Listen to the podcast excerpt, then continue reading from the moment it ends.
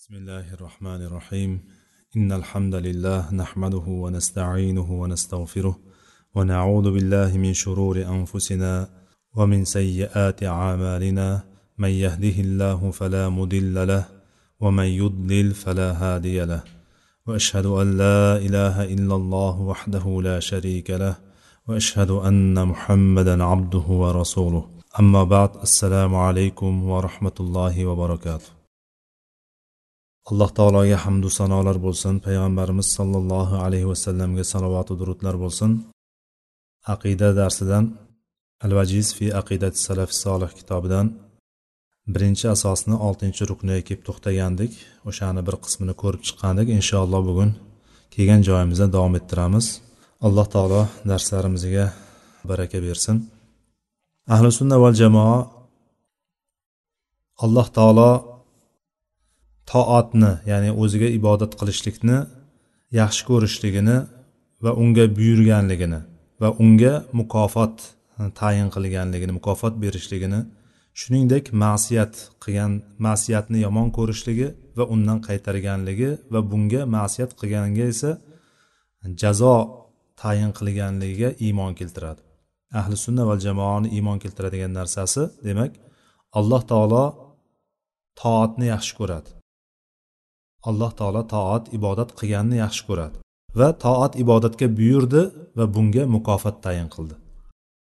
Va xuddi shuningdek ma'siyatni alloh taolo yomon ko'radi va undan qaytardi va buning uchun bo'lsa jazo tayin qildi deb turib iymon keltiradi. Va alloh taolo xohlaganini o'zini fazli bilan o'zini minnati fazli bilan rahmati bilan hidoyat qilsa va o'zini xohishi bilan xohlaganini adolati va hikmati bilan adashtiradi. Demak alloh taoloni ishlariga qaraydigan bo'lsak alloh taolo o'zini fazli bilan marhamati bilan bir kishini hidoyatga boshlab qo'yadi. Alloh taoloni hidoyat alloh taolo kimni hidoyatga boshlaydigan bo'lsa uni adashtiradigan biron kishi bo'lmaydi.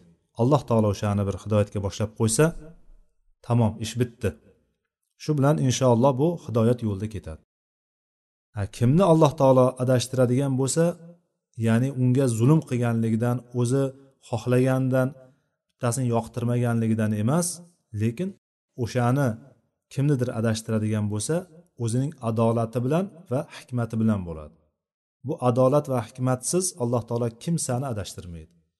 Ya'ni o'shani kimnidir adashtirgan bo'lsa albatta o'shanga haq etganligi uchun o'shanga loyiq bo'lganligi uchun va o'zi zalolat yo'lini tanlaganligi uchun alloh taolo uni o'zining adolati va hikmati bilan adashtirib qo'yadi. Adashtirgan kimsani alloh taolo kimni adashtiradigan bo'lsa uni hech kim to'g'ri yo'lga sola olmaydi keyin.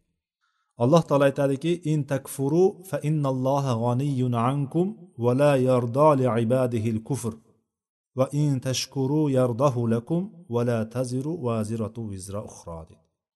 Bu oyat zumar surasini yettinchi oyati alloh taolo aytadiki in takfuru fa innalloha g'oniyun ankum. Agar sizlar kofir bo'lsalaring kufrga ketadigan bo'lsalaring alloh taolo sizlardan behojat bo'lgan zot. Ya'ni bizni ibodat qilishligimizga alloh taologa kufr keltirishligimiz yo alloh taologa e, hammamiz bir e'tiqodli taqvodor inson bo'lib qolishligimiz bilan alloh taologa biron bir foyda yoki manfaat yetkazolmaymiz yoki zarar yetkazolmaymiz shuning uchun bu yerda aytyaptiki agar sizlar kofir bo'lsalaringiz inkor qiladigan bo'lsalaringiz alloh taolo sizlardan pok alloh taolo sizlardan behojat bo'lgan zotdir deyapti. Va orqasidan aytyaptiki vala yardoli ibadihil kufr. Alloh taolo bandalariga kufrni rozi bo'lmaydi. Alloh taolo bandalarni kufrga ketishligini yaxshi ko'rmaydi. Yomon ko'radi. Lekin o'zini o'tgan darsimizda aytganimizdek alloh taolo bandalarini oldindan nima ish qilishligini bildi va mana shu irodasi bilan mana shu xohishi bilan bandalarni kufrda bo'lishligini sabab kufrda yurishligini xohlamasa ham ularni mana shu kufrda yaratib qo'ydi. Ya'ni kofirlar nimaga hammasi musulmon bo'lmaydi alloh taoloni xohishidaku bo'lsa alloh taolo xohlasa bo'l desa shu payt bo'ladiku degan savolga javob alloh taolo bandalarini yaratdi. Bandalarni yaratishdan oldin ularni nima ish qilishlarini bildi va o'shanga qarab turib kitobda yozdi. Alloh taoloni shuning uchun ba'zi bir kitoblarda aqida kitoblarida ikkiga ayriladi. Alloh taoloni xohishini ikkiga ajratadi. Bittasini kavniy ya'ni o'zgarmas deydigan bo'lsa bittasini shar'iy ya'ni alloh taolo yaxshi ko'radi o'shani xohla bo'lishini yaxshi ko'radi buni bo'lmasligini yomon ko'radi deydi. Lekin bu alloh taoloni ikkinchi xohishi shar'iy xohishi kavniy e, kavniy bo'lgan qadariy bo'lgan e, xohishiga tobe bo'ladi deb aytadi. Ya'ni alloh taolo oldindan bittasini ko'rdi oldindan bildi ya'ni hammasini bir kishini kofir bo'lishi kufr yo'lini tanlashligini bildida alloh taolo uni o'shanday holatda yaratdi. Ilmiga muvofiq tarzda yaratdi va lavhul mahfuzga ham xuddi shunday narsa bitildi. Va banda tug'ilayotgan paytda tug'ilishdan oldingi holatida onaning qornida homila bo'lib turgan paytida bir farishtani jo'natdi va unga hamma narsasi yozildi. Uni qancha yashashligi amali rizqi baxtli yoki baxtsiz ya'ni do'zaxiy yoki jannatiy bo'lishligi hammasi bitib qo'yildi. Onani qornida turgan payt onani qornida turgan paytda. Mana shu bitilgan paytda o'sha allohning taqdiri bo'lgan qadariy bo'lgan xohishiga mos ravishda yozildi. Lavhul mahfuzda qanday bo'ladigan bo'lsa bir farishta o'sha yerdan kelib turib bandani peshonasiga yozildi deydimi? O'zbek tilida peshonasiga yozildi ya'ni taqdiriga bitildi o'sha narsa. Lekin alloh taolo buni xohlaydimi? Kufrda yurishligini yo'q. Vala yardoli ibadihil kufr. Alloh taolo bandalarni kufrda bo'lishligini xohlamaydi alloh taolo. Yaxshi ko'rmaydi undan rozi bo'lmaydi.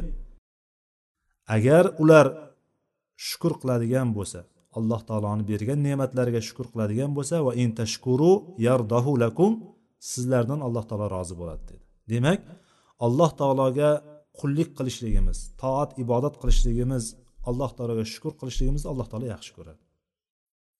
Yuqoridagi muallifni aytgan gapiga mana bu oyatni dalil qilib keltiryapti. Oyatni davomida vala taziru vaziratu vizra uxro ertaga qiyomat kunida hech kim bir birini hech kim boshqa bir kimsani gunohini bo'yniga olmaydi. Hech kim birovni gunohini ko'tarmaydi. Har kim o'zini gunohini o'zi ko'taradi. Kim kufr qilgan bo'ladigan bo'lsa kufr ishni qiladigan bo'lsa osiylik yo'liga kiradigan bo'lsa o'shani gunohini o'zi ko'tarib keladi. Kim agar bu iymon yo'lini tanlaydigan bo'lsa allohga iymon keltirib toat ibodatda yuradigan bo'lsa u o'zini savoblarini o'zi ko'tarib keladi ya'ni hech kim hech kimga bir narsa o'tkazib qo'ymaydi yoki bir kishini bir kishi gunohini ko'tarmaydigan kun bo'ladi ertaga boshqa oyatda va'lamu anna fikum rasululloh لو يطيعكم في كثير من الأمر لعنتم ولكن الله حبب إليكم الإيمان وزينه في قلوبكم وكره إليكم الكفر والفسوق والعصيان أولئك هم الراشدون راشدون dedi ulaika humur roshidun bu sura hujrot surasini yettinchi oyati. Alloh taolo aytyaptiki bilinglarki sizlarni ichlaringda rasululloh bor. Allohning rasuli bor. Bu sahobalarga tushgan oyat edi ichlaringda rasululloh bor. Agar u sizlarni ishlaringdan ko'piga agar ko'p ishlaringga ergashib ketadigan bo'lsa ishlaringdan ko'p narsalarga agar sizlarga itoat qilib turib sizlarga ergashadigan bo'lganda edi sizlarga balo musibatlar boshlaringga kelib qolgan bo'lardi. Qiyinchiliklar mashaqqatlar boshlaringga kelib qolgan bo'lardi lekin alloh taolo sizlarga iymonni suyukli qilib qo'ydi. Habbaba ilaykumul iymon alloh taolo sizlarga iymonni suyukli qilib qo'ydi. Va zayyanahu fi qulubikum va qalblaringda uni chiroyli qilib ko'rsatdi. Va karroha ilaykumul kufra val fusuqa val asyan va sizlarga kufrni fisqni va isyon qilishlikni sizlarga yomon qilib ko'rsatdi. Deb turib alloh taolo marhamat qildi. Bu yerda demak alloh taolo bandalariga o'zini mo'min bandalariga nima qilyapti? Iymonni chiroyli qilib suyukli qilib ko'rsatib qo'yyapti. Kufrni fosiqlikni isyonni bo'lsa yomon qilib ko'rsatib qo'yyapti. Mana shuni dalil qilib keltiryapti. Endi kim alloh taolo kimni adashtirib qo'ygan bo'lsa unda ya'ni alloh taolo meni adashtirdi deb turib bir hujjat keltirishligi yoki unga biron bir uzri yo'q. Ya'ni alloh taolo kimni adashtirgan bo'lsa uni na qo'lida hujjati bor na uzri bor. Chunki alloh taolo mana shu hujjatlarni allohni huzuriga kelib turib allohga davo qilmasin deb turib alloh taolo mana shu hujjatlarni kesib qo'yishlik uchun oldini mana shu odamlarni davo qilib turib kelishligini oldini kesib qo'yishlik uchun payg'ambarlar jo'natdi. Payg'ambarlar keldida hammasi ollohni yo'lini tanitdi.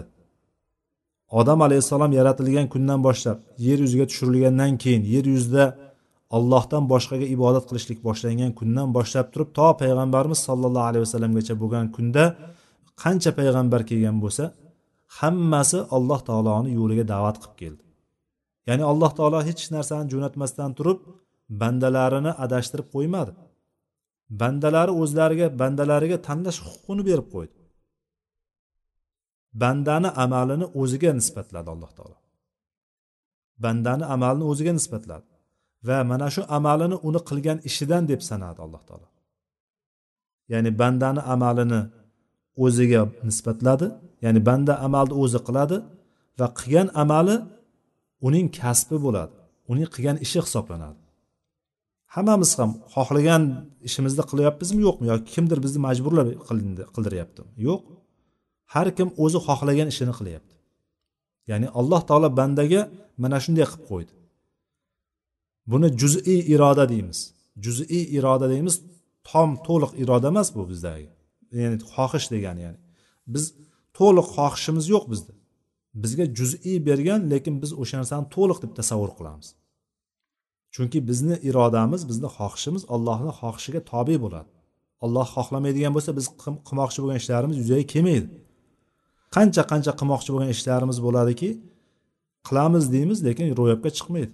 Amalga oshmaydi o'sha ish.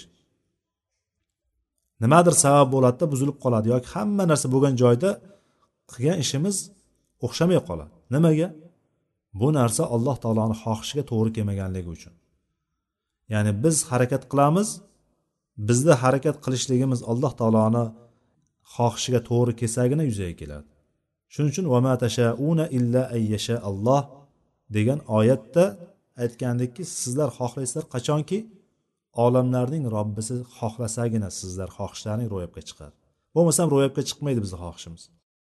Lekin biz qilayotgan ishimiz amalimiz o'zimizniki. Alloh taolo amalni bizga nisbatlab qo'ydi bizga berib qo'ydi.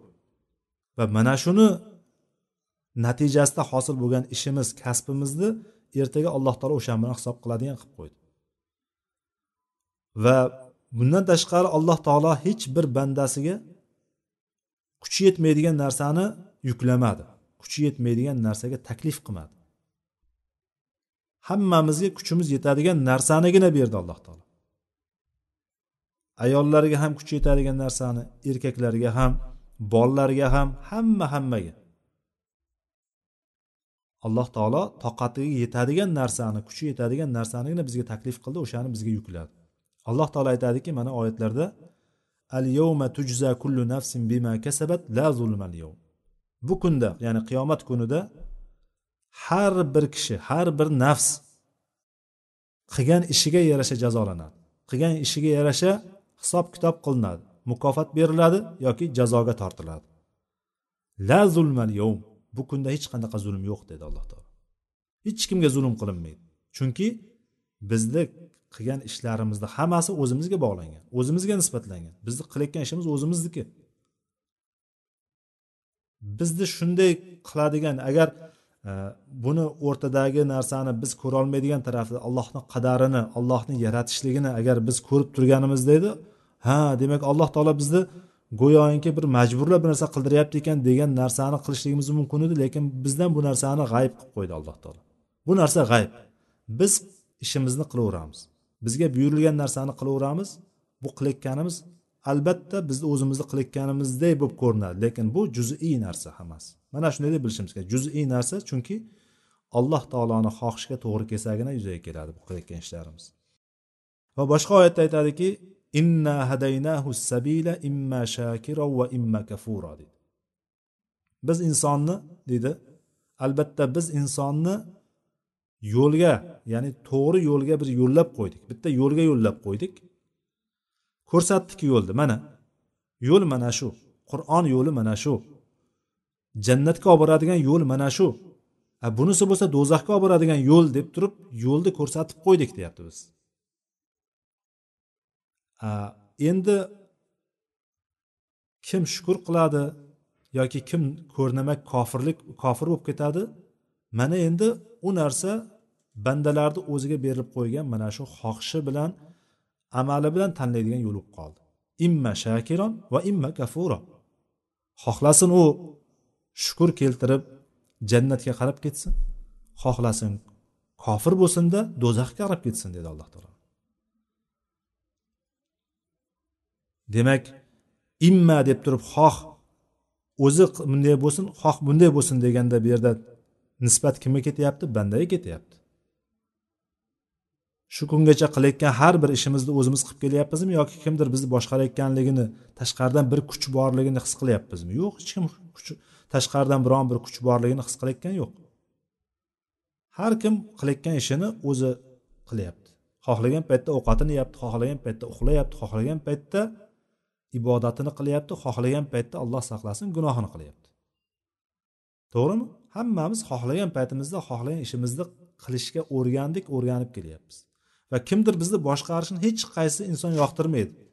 Biron bir inson tepasida bir birontasi ish buyurib turishini umuman xohlamaydi. Hatto bolalar ham bolalar ham ota onasini ish buyurishini xohlamaydi. Endi qo'yaveringlar kattalarni. Majbur tishini qo'yib turib ba'zi bir manfaatlar orqasidan ba'zi bir biron joyda ishlaydigan bo'lsa oylik olaman shu yerdan deb turib hamma narsaga turkchasiga aytganda qatlanadi. Ya'ni o'shanga rozi bo'ladi majbur bo'ladi o'shani qilishlikka o'shanga past ketadi o'shanga. Bo'lmasam inson tabiati borki biron bir kishiga bo'ysunmasdan yashashlikka fitrati bor. Biron bir narsani biron bir kishini buyruq berishni xohlamaydi. Endi buni ochiqdan ochiq kimdir buni majburlab turganligini aniqlaydigan bo'lsa inson doim o'shandan chiqib ketishlikka harakat qiladi. Lekin alloh taoloni shunchalik yaratuvchilik yaratuvchiligi alloh taoloni xoliq sifati shunaqaki bizni shunaqa qilib yaratdi biz hamma narsani o'zimizniki bo'lib turib tasavvuri bilan yashab turib va o'shan bilan ketamiz. Vaholanki bizni xohishlarimiz allohni xohishiga tobedir. La yukallifullohu nafsan illa usaha la yukallifullohu nafsan illa usaha alloh taolo biron bir jonga biron bir nafsga toqatidan ortiq narsani kuchi yetmaydigan narsani unga yuklamaydi. Unga topshiriq qilib topshirmaydi taklif qilmaydi unga. Boshqa bir oyatda bo'ladigan bo'lsa li alla yakuna linnasi alallohi hujjatun ba'da rusul. Ya'ni odamlar payg'ambarlardan keyin allohga qarshi bir hujjat keltirmaslik uchun alloh taolo payg'ambarlarini do'zaxdan ogohlantiruvchi va jannatdan xushxabar beruvchi qilib butun hukmlarni olib kelishdi. Hammasini olib keldi. Sababi nima ekan buni? Asosiy sabablardan bittasi allohga qarshi hujjat bo'lmasligi uchun. Odamlar ey olloh tamomda biz sen sen bizni yaratding. Yaratgandan keyin o'zingni xohishing bilan bizni do'zaxga kirgizyapsan deb turib odamlar davo qilishligi mumkin edi. Qiladi ham ertaga qiyomat kunida lekin alloh taoloni hujjati nima bo'ladi? Men seni yaratdim deydi senga deydi xohish berdimmi yo'qmi deydi seni kim majburladi deydi mana shu ishni qilishlikka kim majburladi? Qolaversa sen o'zingni nafsingga ergashib ketib qolmagin deb turib payg'ambar jo'natdimi yo'qmi deydi ya'ni odamlarda hujjat qolmasligi uchun alloh taolo payg'ambarini jo'natdi. Payg'ambarimiz sollallohu alayhi vasallamdan keyin qiyomatgacha biron bir payg'ambar kelmaydi lekin payg'ambarni merosxo'rlari bo'ladi. Payg'ambarlar payg'ambarimizni merosxo'rlari ular ilm egalari. Ilm berilgan kishilar. Ilm berilgan kishilar xoh imom bo'lsin xoh da'vatchi bo'lsin xoh voiz bo'lsin kim bo'lsa ham payg'ambarlikdan bir ulushi bor kishi dindan ozgina ilmga ega bo'lgan kishi payg'ambardan bir meros olib qolgan kishi hisoblanadi. O'shalar har doim atrofdagilarga dinni yetkazib keladi va qiyomatgacha bu narsa to'xtamaydi.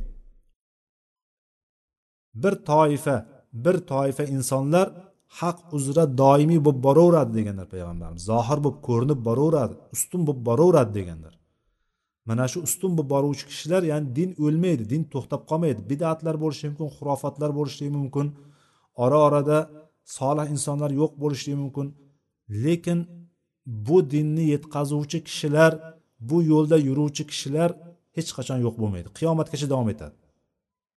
Agar bu yo'lda yuruvchi bu din dinni yetkazuvchi kishilar bo'lmay qoladigan bo'lsa yuqoridagi oyatdagi li alla yakuna linnasi alalloh hujjatun ba'da rusul oyatiga teskari bo'lib qoladi. Chunki payg'ambarlardan keyin insonlarda allohga qarshi hujjat paydo bo'lib qoladi.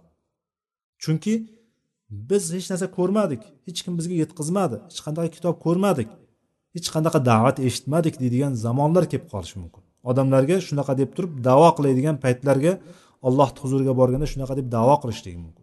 Mana shu narsa bo'lmasligi uchun alloh taolo qiyomatgacha insonlarni chiqarib qo'yaveradi. Har bir davrda har bir zamon va makonda qayerda bo'lishidan qat'iy nazar albatta allohni dinini yetkazib alloh diniga da'vat qiluvchi kishilar bo'ladi. Payg'ambarlarni ishlarini davomchilari bo'ladi. Boshqa oyatda bo'ladigan bo'lsa faman shaa fal yu'min va man shaa fal yakfur dedi. Mana xohlagan mo'min bo'lsin xohlagan kofir bo'lsin dedi. Xohishni kimga qo'yib qo'yyapti? Xohishni yana bandaga qo'yib qo'yyapti. Amalni bandaga alloh taolo to'liq nisbatladi. Ya'ni banda umuman his qilmaydiki meni kimdir boshqarib turibdi kimdir menga buyruq berib turibdi degan narsani umuman his qilmaydi. Hamma narsani banda o'zi qiladi va mana shunday qilib turib alloh taolo yaratib qo'ydi. Ahli sunna va jamoani ya'ni iymon keltiradigan narsalardan bittasi yomonlikni hech qaysi bir ko'rinishini alloh taologa nisbatlamaydi. Ya'ni alloh taolo yomonlikni yaratdi demaydi. Alloh taolo yomonlikni ham kufrni ham yaxshilikni ham iymonni ham hammasini alloh taolo yaratdi deb turib iymon keltirdikmi birinchi? Ha iymon keltirdik. Hamma narsani olloh yaratadimikan ha alloh yaratadi. Lekin biz yomonlikni alloh taologa nisbatlamaymiz. Ya'ni alloh taolo yomonlikni qildi demaymiz. Na uning zotida na ismlarida na sifatlarida na ishlarida biron bir narsasida alloh taologa yomonlikni nisbatlamaymiz. Chunki alloh taolo hidoyatga buyurib qo'ydi. Yaxshilikka buyurib qo'ydi. Ehson qilishlikka buyurib qo'ydi. Alloh taolo buyuryaptimi? Yaxshiliklarga buyuryaptimi? Va yomonlikdan kufrdan zalolatdan isyondan hammasidan qaytaryaptimi? Demak qanday qilib turib alloh taologa nisbatlaymiz? Alloh taolo buyurgan narsasi faqat yaxshilik bo'lib tursa qaytargan narsasini hammasi yomonliklar bo'lib turadigan bo'lsa qanday qilib turib alloh taolo deb turib allohga nisbat beramiz? Ya'ni nisbat bera olmaymiz alloh taologa. Chunki alloh taoloni sifatlari rahmati va adolati komil bo'lganligi uchun ham biz alloh taologa nisbat bera olmaymiz. Bu narsa bandalardagi ya'ni alloh taoloning yetuk bir hikmati va irodasini o'zini xohishini yuzaga mutlaqo kelishligini va maxluqotlarni ustida bo'lishligini mana bu narsa bo'lganligi uchun ya'ni bu narsalar faqat maxluqotlarga ya'ni bandalarigagina nisbatlanadi yomonlik. Chunki alloh taoloni yetuk hikmati bor va joriy bo'lishligi kerak bo'lgan irodasi borki bandalari yomonlikni qiladi. Chunki boyagi aytganimiz yana alloh taoloni ilmiga borib taqaladigan taqdirni martabalariga borib taqaladigan birinchi narsa alloh taolo bandalarini bildi. Va o'shanga yarasha taqdirlarini bitdi. O'sha taqdirda bo'ladigan narsa yuzaga kelishligi uchun bular yomonlik amallarini qiladi bandalari. Maxluqotlari qiladi lekin bu maxluqotlarni yomonliklarini qilishligi alloh taoloni yetuk hikmatiga bog'liq bo'ladi. Alloh taolo aytadiki ma asobaka min hasanatin faminalloh va ma asobaka min sayyiatin famin nafsik deydi payg'ambar sollallohu alayhi vasallamga oyatda aytyaptiki sizga biron bir yaxshilik yetadigan bo'lsa u olloh tarafidandir. Faminalloh olloh tarafidandir sizga biron bir yaxshilik yetadigan bo'lsa bu olloh tarafidandir. Agar sizga biron bir yomonlik yetadigan bo'lsa famin nafsik bu esa sizning o'zingizdandir deb kelyapti. Bu yerda yana aytmayapti allohda bu ham allohdandir demayapti alloh taolo. Alloh taolo oyatda ham yomonlikni o'ziga nisbatlamayapti.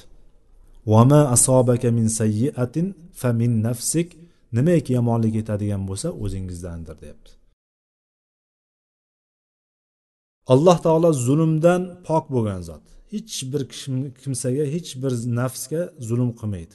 Alloh taolo chunki mutloq adolat bilan sifatlangan zotdir. Bandalaridan biron bir kishiga zarra og'irchaligi ham zarra zarracha ham zulm qilmaydi. Alloh taoloni qilgan ishlarini hammasi adolat va rahmatdan iborat. Boshqa narsadan emas. Alloh taoloni nima qilgan ishlari bo'ladigan bo'lsa bularni hammasi alloh taoloni adolati va rahmati orasida bo'ladi. Alloh taolo aytadiki ana lil abid men bandalarimga umuman zulm qiluvchi emasman deydi vala yadlimu robbuka ahada deydi boshqa oyatda. Robbingiz biron bir kishiga zulm qilmaydi. Innalloh la yadlimu misqola zarra alloh taolo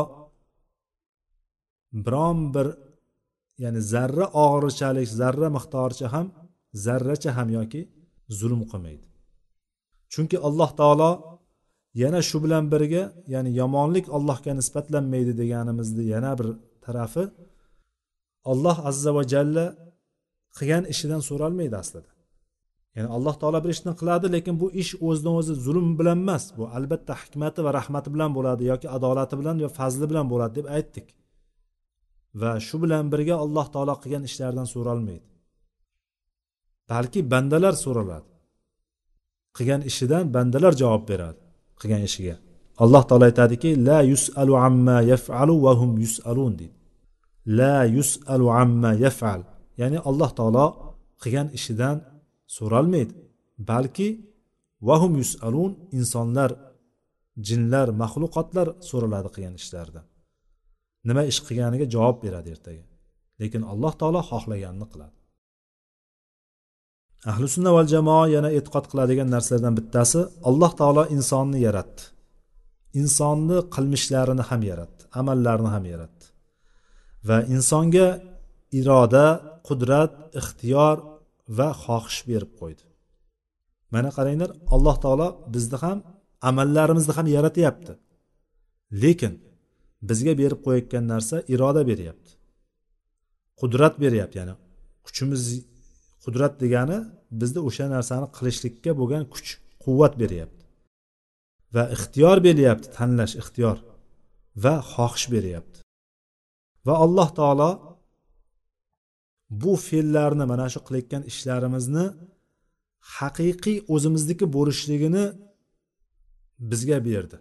Ya'ni haqiqiy o'zimiz qilayotgandek bo'lib turadigan qilib berib qo'ydi. Lekin yaratuvchi kim edi? Alloh taolo. Biz bir ishni qilmoqchi bo'ladigan bo'lsak o'sha qilishlarimiz harakatlarimiz hammasini alloh taolo yaratib beradi. Lekin biz yaratayotgan tarafini ko'rolmaymiz alloh taolo shunday qilib qo'ydiki bizga shunday katta ne'matini berdiki bizni qilayotgan hamma ishimiz haqiqatdan o'zimizniki bo'lib ko'rinadigan qilib qo'ydi. U majozan emas haqiqatdan o'zimiznikidek qilib qo'ydi. Va shu bilan tashlab qo'ydim yo'q. Shuncha narsani berdim tashlab qo'ydim yo'q. Bizga oq bilan qorani yaxshi bilan yomonni ajrata oladigan aql ham berib qo'ydi.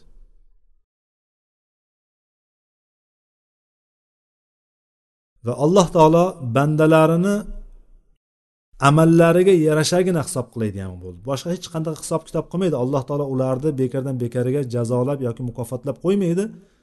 Faqatgina mana shu amaliga yarasha.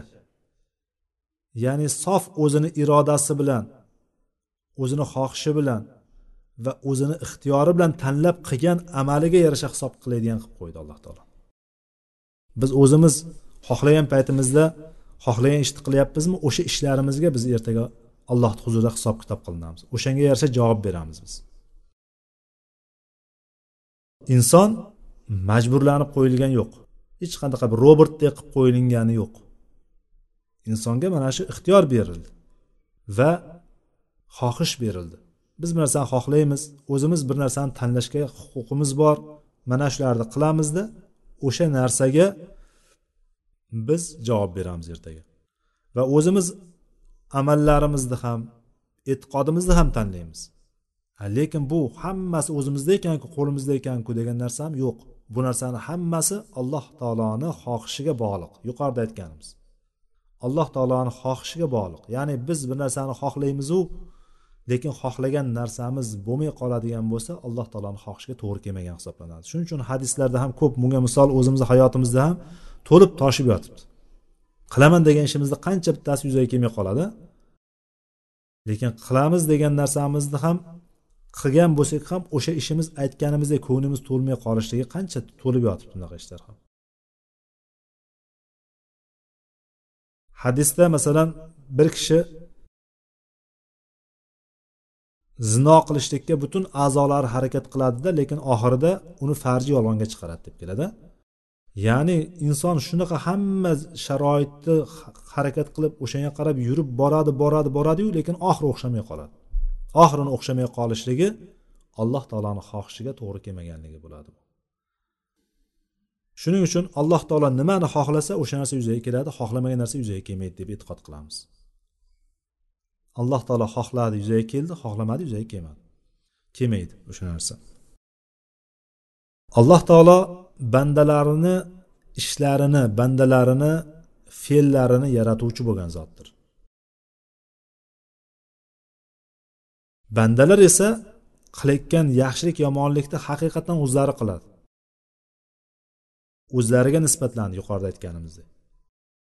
Alloh taolodan bo'ladi yaratishlik vujudga keltirishlik va ularga taqdir qilib bitib qo'yishlik alloh taolo tarafidan bo'ladigan bo'lsa bandadan o'sha biron bir ishni qilishlik va o'sha ishni kasb qilib olishlik o'ziga e, fe'l qilib olishlik bo'ladi bandadan. Ya'ni buni tushunishlik biroz haqiqatdan e, murakkabroq. Chunki alloh taolo yaratyapti alloh taolo vujudga keltiryapti bizni ishlarimizni va taqdirimizga bityapti deyapmiz. Banda bo'ladigan bo'lsa o'zini xohish bilan ish qilyapti. Ya'ni yuqorida aytganimizdek alloh taolo shunaqa bir katta ne'matni berib qo'ydiki biz hamma ishlarimizni go'yo faqat o'zimiz qilyapmiz deydigan o'zimiz qilayotganga o'xshab ko'rinadigan qilib turib yaratdi alloh taolo. Haqiqatda shunday hech kim kimdir meni boshqarib turibdi shekilli deb turib hech ham his qila olmaydi u narsani. Alloh taolo shunday katta ne'matini berib qo'ydi. Lekin bularni hammasi alloh taoloni xohishiga yaratishligiga vujudga keltirib qo'yishligiga bog'liq bo'lgan narsalardir. Alloh taolo aytadiki liman shaa minkum ay yastaqim va ma tashauna illa ay yasha allohu robbil alamin. Qur'onda aytib turib bu qur'on sizlardan to'g'ri yo'lda bo'lishni xohlagan kishilar uchun qaranglar liman shaa minkum ay yastaqim to'g'ri yo'lda bo'lishni xohlagan kishilar uchun eslatma. To'g'ri yo'lda bo'lishni xohlashlikni bizga qo'yyaptimi? Ha bizga qo'yyapti. Biz o'zimiz to'g'ri yo'l yoki noto'g'ri yo'lda tanlashga ixtiyorimiz bor. Lekin bu shuni tanladim men bo'ldi ketdim deganim yo'q. Vama tashauna illa ayyasha allohu robbil alamin. Sizlar alloh taolo xohlasagina ana o'shandagina xohlashlaring mumkin. Sizlarni xohishlaring o'shanda amalga oshadi degani ya'ni. Alloh taoloni xohishiga muvofiq kelgandagina sizlarni xohlagan narsalaring amalga oshadi degan. Ana o'shanda sizlar to'g'ri yo'lda bo'lish bo'la olishliklaring mumkin bo'lmasam to'g'ri yo'lda bo'la olmaysizlar degani alloh taolo aytyaptiki va robbuka yaxluqu ma yasha va yaxtar ma kana lahumul xiyara subhanallohi va taala amma yushrikun. Robbingiz yaxluqu ma yasha va yaxtar robbingiz xohlaganini va ixtiyor qilgan narsasini yaratadi. Alloh taolo xohlab ixtiyor qilgan narsada bo'lsa ma kana lahumul xiyara ular uchun ya'ni inson va jinlar maxluqotlar uchun biron bir ixtiyor yo'q bo'ladi. Ya'ni alloh taolo yaratib ixtiyor qilib turgan narsada bandalarda biron bir ixtiyor yo'q. Chunki alloh taolo yaratib beryapti bizni xohishlarimiz biz istagimiz bir narsani qilmoqchi bo'ladigan alloh taolo yaratsagina yuzaga kelyapti. Bo'lmasam yuzaga kelmayapti deb turib e'tiqod qilishimiz kerak. Subhanallohi va taala amma yushrikun. Mushriklar alloh taologa nisbatlayotgan alloh taoloni e, alloh taologa shirk keltirayotgan narsalardan alloh taolo pok bo'lgan zotdir deb aytyapti. Pok va oliy bo'lgan zotdir deyapti hadisda keldiki payg'ambarimiz sollallohu alayhi vasallam aytdilarki ma minkum min ahadin illa vaqad kutiba maq'aduhu minan nari va maq'aduhu minal janna. Payg'ambarimiz bir kuni aytdilarki sizlardan biron bir kishi yo'qki illo magaram o'sha kishini albatta jannatdagi va do'zaxdagi o'rinlari yozib qo'yilmagan bo'lsin dedilar. Ya'ni har kimni sizlardan kim bo'lishidan qat'iy nazar albatta jannatdagi yoki do'zaxdagi joyi bitib qo'yilgan taqdiriga dedilar. Shunda sahobalar aytishdiki yo rasululloh afala nattakilu ala kitabina va nadaul amal? Yo rasululloh bo'lmasam mana shu yozilgan narsalarimizga taqdirimizga yozilgan narsalarga suyanib tayanib amalni tark qilib qo'yaveraylikmi bo'lmasam? dedi. Ya'ni amal qilmay qo'yaveraylikmi? Amal qilmasdan faqatgina shu taqdirimizda bori bo'ladi deb turib o'shanga ishonib qo'yaveraylikmi? deganda payg'ambarimiz i'malu dedilar fakullun muyassarun lima xuliqa lahu amma man kana min ahli saada fayuyassaru li'amali ahli saada va amma man kana min ahli shaqa فييسر لعمل أهل الشقاء ثم قرأ فأما من أعطى واتقى وصدق بالحسنى sizlar amal qilaveringlar dedilar payg'ambarimiz taqdirlarida yozilganligini sahobalarga o'rgatgandan keyin sahobalarda ham tabiiy savol tug'ildi. Bo'lmasam yozilgan narsa albatta bo'ladi ekan taqdirimizga yozilgan. Alloh taolo bitib qo'ygan narsa albatta bo'ladi ekan. Bo'lmasam o'sha taqdirlarimizdagi albatta bo'ladi deb turib amal qilmay qo'yaveraylik bo'lmasam deganda payg'ambarimiz yo'q amal qilasizlar dedi. Yamalu dedilar. Amal qilaveringlar sizlar chunki dedilar har bir kishi nima uchun yaratilgan bo'lsa o'shanga muyassar qilinadi. Ya'ni o'sha unga qulaylashtiriladi osonlashtiriladi oson qilib qo'yiladi o'sha yo'l.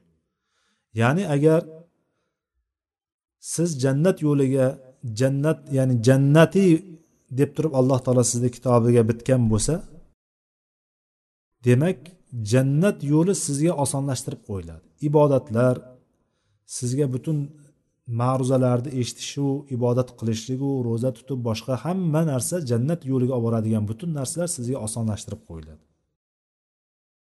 Mana shunda orqasidan aytdilarki kim nima uchun yaratilgan bo'lsa ya'ni kim do'zax uchun yaratilgan bo'lsa o'shanga kim jannat uchun yaratilgan bo'lsa o'shanga yo'llab qo'yiladi. O'sha yo'l unga oson qilib qo'yiladi. Aytdilarki amma man kana min ahli saada kim saodat ahlidan bo'ladigan bo'lsa ya'ni jannat ahlidan bo'ladigan bo'lsa alloh taolo jannat ahlining amalini unga oson qilib qo'yadi dedilar. Va amma man kana min ahli shaqo baxtsizlar ya'ni do'zax ahlining do'zax kim do'zax ahlidan bo'ladigan bo'lsa unga do'zax do'zax ahlining amali oson qilib qo'yiladi. Ya'ni o'sha taraf unga qulay bo'lib qoladida bu tarafga hech kelolmaydi. o'sha yo'lda qilib borib borib ertaga do'zaxga kirib ketadi alloh saqlasin va orqasidan oyatni o'qidilar layl surasidagi beshinchi oltinchi oyatlarda o'qidilar فأما من أعطى واتقى وصدق بالحسنى فسنيسره لليسرى bas kimda kim ato beradigan bo'lsa alloh uchun infoq ehson qiladigan bo'lsa vattaqo va taqvo qiladigan bo'lsa allohdan qo'rqadigan bo'lsa va soddaqo bil husna va husnoni ya'ni iymonni tasdiqlaydigan bo'lsa allohga oxirat kuniga bo'lgan iymonni tasdiq etadigan bo'lsa biz uni fasanu yassiruhu lil yusro biz uni qulay yo'lga oson yo'lga yo'llab qo'yamiz deydi. Oyatni davomi ham bor kim agar bermaydigan baxillik qiladigan bo'lsa. Va o'zini behojat sanaydigan bo'lsa. Va bu iymon allohga bo'lgan iymonni va kazzaba bil husna yolg'onga chiqaradigan bo'lsa ishonmasdan inkor qiladigan bo'lsa biz uni qiyin yo'lga usro fasanu yassiruhu lil usro deb keladi. Uni qiyin yo'lga og'ir yo'lga biz yo'llab qo'yamiz ya'ni do'zax yo'liga yo'llab qo'yamiz. O'shani unga oson qilib qo'yamiz deydi alloh taolo. Mana shu oyatni payg'ambarimiz sollallohu alayhi vasallam aytgan gaplariga dalil qilib keltirdilar demak bandadan harakat. Siz qaysi tarafga yurishlikni xohlab o'sha bir siz o'sha tarafga qarab harakat qilaverasiz alloh taolo sizga o'sha yo'lni oson qilib qo'yaveradi. Va yuqorida aytganimizdek bandadan tanlash huquqi bor tanlayapti u ixtiyor qilyapti xohlayapti va o'sha yo'liga qarab turib ketyapti. Alloh taolo o'zining xohishi bilan uni yaratib beryapti keyin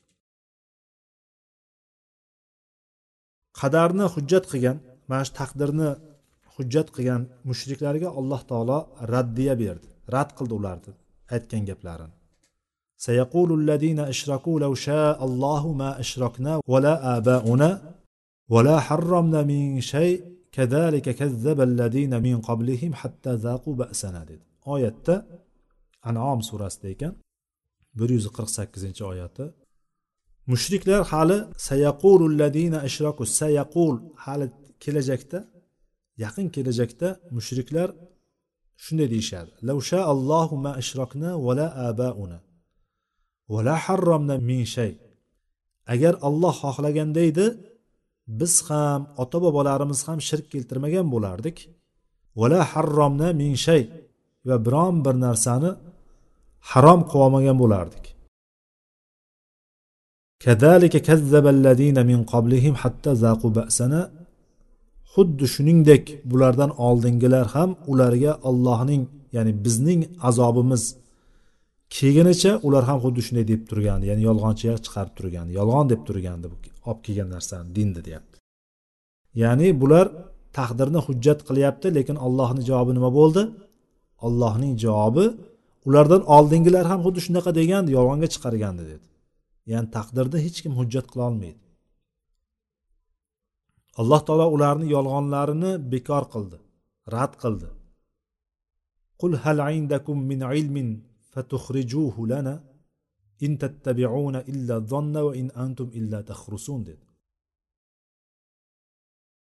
Ular hal qul payg'ambarimiz aytyaptiki aytingchi ularga bo'lmasam hal aindakum min ilmin fatukhrijuhu lana. Bo'lmasam sizlarni huzurlaringda biron bir hujjatlaring bormi? Ilm bormi? Bizga ko'rsata oladigan biron bir sizlarni huzurlaringda bir hujjat ilm bormi deb ayting ularga. Ular faqatgina gumonlariga ergashadi. Ular faqatgina gumonlariga ergashadigan kishilardir.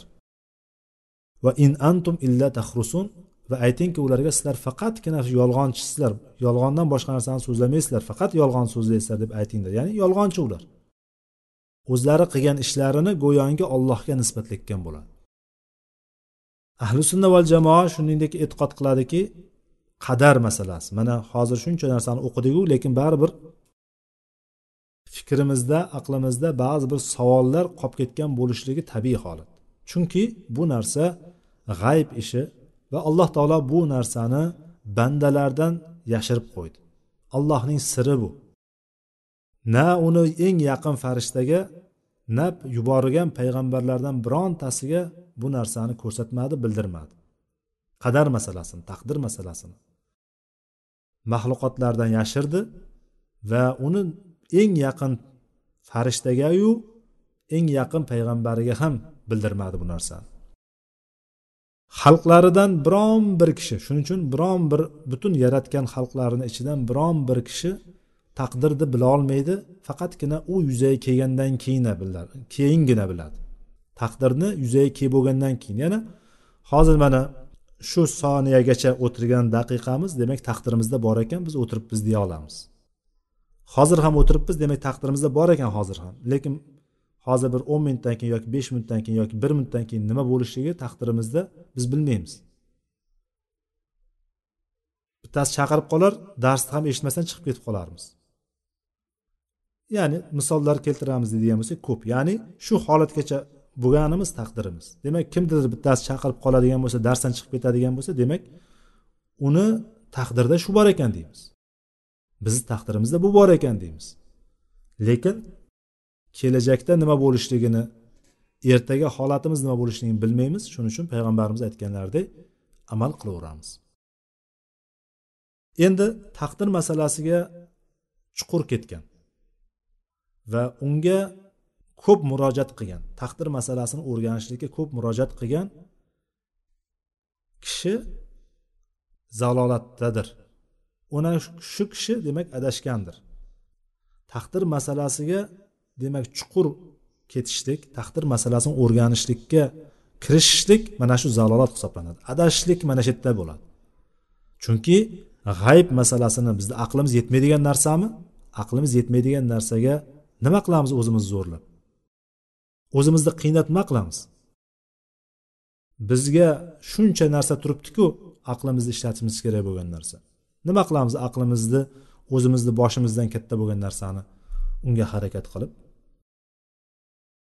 Mana shuning uchun demak bunga chuqur ketishlik o'rganishlikka harakat qilishlik bu narsa zalolatga yetaklaydigan narsadir. Zalolatga olib boradigan adashishlikka olib boradigan narsadir. Chunki alloh taolo qadar ilmini taqdir ilmini butun yaratganlaridan maxluqotlaridan hammasidan yashirib qo'ydi bu narsani.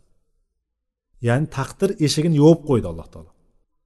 Unga kirolmaysiz. Eshikni o'zini ko'rmagandan keyin qanday qilib turib eshikka kira eshikdan kira olasiz yoki eshikni ham ko'rsatib qo'ydi bizga. Lekin eshikni ochamiz deydigan bo'lsak na uni ushlagichi bor ochib kiradigan na kaliti bor qo'limizda. Hech narsa bermadi faqat eshikni ko'rsatib qo'ydi. Mana shu eshik taqdir deb turib bizga mana shu darajada taqdir berildi. Taqdir haqida mana shu narsa bildirildi. Bitta uyni tasavvur qiling ichi to'la hamma narsa bor. Butun sharoiti bo'lgan bitta uyni tasavvur qiling. Biz tashqarisidamiz ichida nima borligini bilamizmi bilmaymiz. Hali kirmagan bo'lsak ko'rmagan bo'lsak.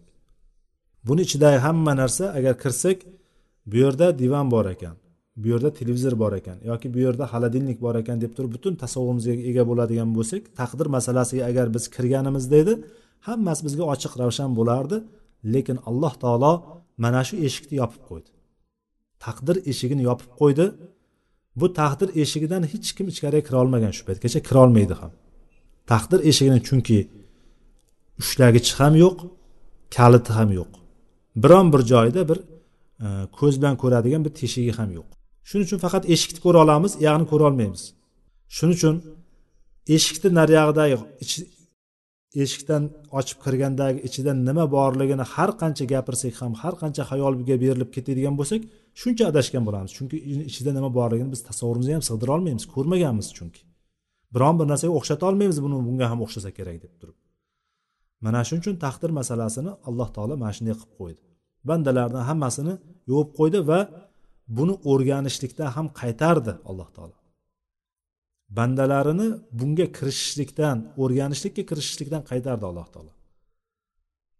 Chunki alloh taoloni qilgan ishlaridan hech kim so'rolmaydi. Alloh taologa nimaga bunday ish qilding deb turib alloh taolodan hech kim so'rolmaydi. Lekin bandalar qilgan har bir ish xususida ertaga alloh huzurida javob beradi. La yusalu amma yafalu va hum yusalu. Ahli sunna va jamoa shunday ekan alloh taoloni shu so'ziga to'liq taslim bo'ladi va bunga teskari kelayotgan bunga qarshi taqdirga qarshi gaplarni gapirayotganlarga mana shu oyatni hujjat qiladi. Ahli sunna va jamoa hozir o'qiydigan bir oyatimizga to'liq taslim bo'ladi va mana shuni taqdirga ishonmaydiganlar taqdirga kirishadigan kishilarga mana shu oyatni dalil qilib aytadi. Qul kullum min indillahi fama li haula'il qawmi la yakaduna yafqahuna qawla. Qul kullum min indillah. Ayting bularni hammasi olloh huzuridandir. Bularni hammasi taqdir masalasini hammasi olloh huzurida. Bo'lib turgan narsalar bizda holatimiz nima? Hammasi alloh huzuridan ollohdan hammasi. A bularga nima bo'ldiki? Mana bu qavmga nima bo'ldiki? La yakaduna yafqahuna hadisa. Hech gap anglamaydi bular. Bularga nima bo'ldi? Kirishmanglar shunga. Kirmanglar alloh taolo qaytargan bu narsani baribir bilolmaysan sen zimmangga tushgan narsa amal qilaver. Ertani bilmaysanmi? Aytdagi bir hayvonlar ham kechirasizlar bir hayvonlar ham borib turib bir o't yemaydigan bo'lsa qorni to'ymasligini yoki borib turib ov qilmaydigan bo'lsa qorni to'ymasligini o'shalar ham biladi. Aql berilmagan hayvonlarki o'sha narsani bilib turibdi endi biz ertaga jannatga kirishlikni shunday o'tiraversak jannatga kirib qolamiz deydigan bo'lsak bu hayvondan ham ahmoqroq odam bo'lib qolamiz alloh saqlasin. Mana shuning uchun aytyaptiki sizlarga nima bo'lyapti bular? Hech gapni anglamaydi bular. Har qancha tushuntirsak ham tushunmaydi ya bular deyapti alloh taolo. Demak bularni hammasi ollohdan deb qo'yamiz ish bitdi. Shu bilan biz salomat qolgan bo'lamiz. Lekin taqdir masalasida umumiy tushunchaga ega bo'lishimiz kerak bo'lganligi uchun e'tiqod masalasi bo'lganligi uchun va bo'p ham iymonni oltita rukni mana shunisiz mana shu bitta rukn oltinchi rukni bo'lgan shusiz mukammal bo'lmaydigan bir rukn bo'lganligi uchun biz o'rganishlikka majburmiz bu narsani. Umumiy suratda bilishligimiz kerak o'sha narsani chunki boshimizga kelgan narsalarni ollohdan ekanligini his qilmaganligimizcha o'shani orqasidan agar sabr qiladigan bo'lsak ajr olamiz degan narsani bilmaydigan bo'lsak biz uni qilolmaymiz. Va bilmagan holatda ollohdan norozi bo'layotgan bo'lamiz. Allohga allohni qilgan ishlaridan biz norozi bo'layotgan bo'lamiz. Asli borib taqalayotgan joy qayer bo'lyapti? Kullu min indillah bo'lgandan keyin allohni huzuridan ollohdan kelayotgan bo'lgandan keyin har bir narsa. Demak mo'min kishiga taslim bo'lishlikdan boshqa narsa tushmaydi. Mo'min kishi bo'ysunadi. Taslim bo'ldim deydi. Shu bizga tushgan narsa. Mana shuning uchun taqdir masalasi shundaqaki insonlar boshiga tushgandagina biron bir narsa o'zini holatiga bir qiyin kunlar tushgandagina mana shu narsani manfaatini topadi. Bo'lmasam og'izda aytaverishligi mumkin iymon keltirdim allohdan yaxshilik va yomonlik ollohdan deb turib iymon keltiramiz deymiz. Har qancha aytamizu lekin o'zimizni boshimizga hayotda o'sha narsani yashagan paytimizda salomat qoladiganlar kam bo'ladi. Alloh taolo mana shu kunlarda o'shanday holatlarda salomat qoladigan kishilardan qilsin hammamizni. Demak Э, qadarga bo'lgan sahih iymon. Yuqorida hozir qadarga qanday iymon keltirishligimiz kerakligi taqdirga qanday iymon keltirishligimiz kerakligini umumiy tarzda bir o'qib ko'rdik. Bir eshitib mana o'qib o'rgangan bo'ldik. Mana shu tarzda iymon keltirgan kishi banda alloh taologa robbiga haqiqiy suratda ibodat qiladigan kishi bo'lga aylanadi. Agar banda sahih taqdirni ya'ni sog'lom iymon keltiradigan bo'lsa to'g'ri iymon taqdirga to'g'ri iymon keltiradigan bo'lsa alloh taologa haqiqiy qullik qiladigan qila oladigan bo'ladi. Ana o'shanda taqdirga haqiqiy iymon keltirib allohga haqiqiy banda bo'la oladigan bo'lsa ana o'shanda alloh taolo o'ziga inom qilib bergan ne'mat bergan kishilar bo'lgan payg'ambarlar siddiqlar shahidlar va solihlar bilan birga bo'ladi. Ular bilan birga bo'lishlik ular bilan hamroh bo'lishlikdan ko'ra kattaroq saodat undan ko'ra kattaroq baxt va intilishlik o'shanga bo'lgan narsa bo'lmaydi. Undan ko'ra ya'ni intilishlikka arziydigan biron bir narsa yo'q. Vallohu alam. Shu bilan taqdir masalasiga iymon keltirishlik e, bobida keltirgan e, muallifni keltirgan narsalari bilan keltirgan hujjatlari bilan dalillari bilan tanishib chiqqan bo'ldik inshaalloh keyingi darsimizdan ikkinchi aslga kiramiz ya'ni ikkinchi asosga kiramiz bu iymon masalasi iymon masalasida ahli sunna val jamoani nazarida iymon e, masalasi nima ekanligi haqida gaplashgan bo'lamiz alloh xohlasa سبحانك اللهم بحمدك أشهد أن لا إله إلا أنت أستغفرك وأتوب إليك وآخر دعوانا أن الحمد لله رب العالمين والسلام عليكم ورحمة الله وبركاته.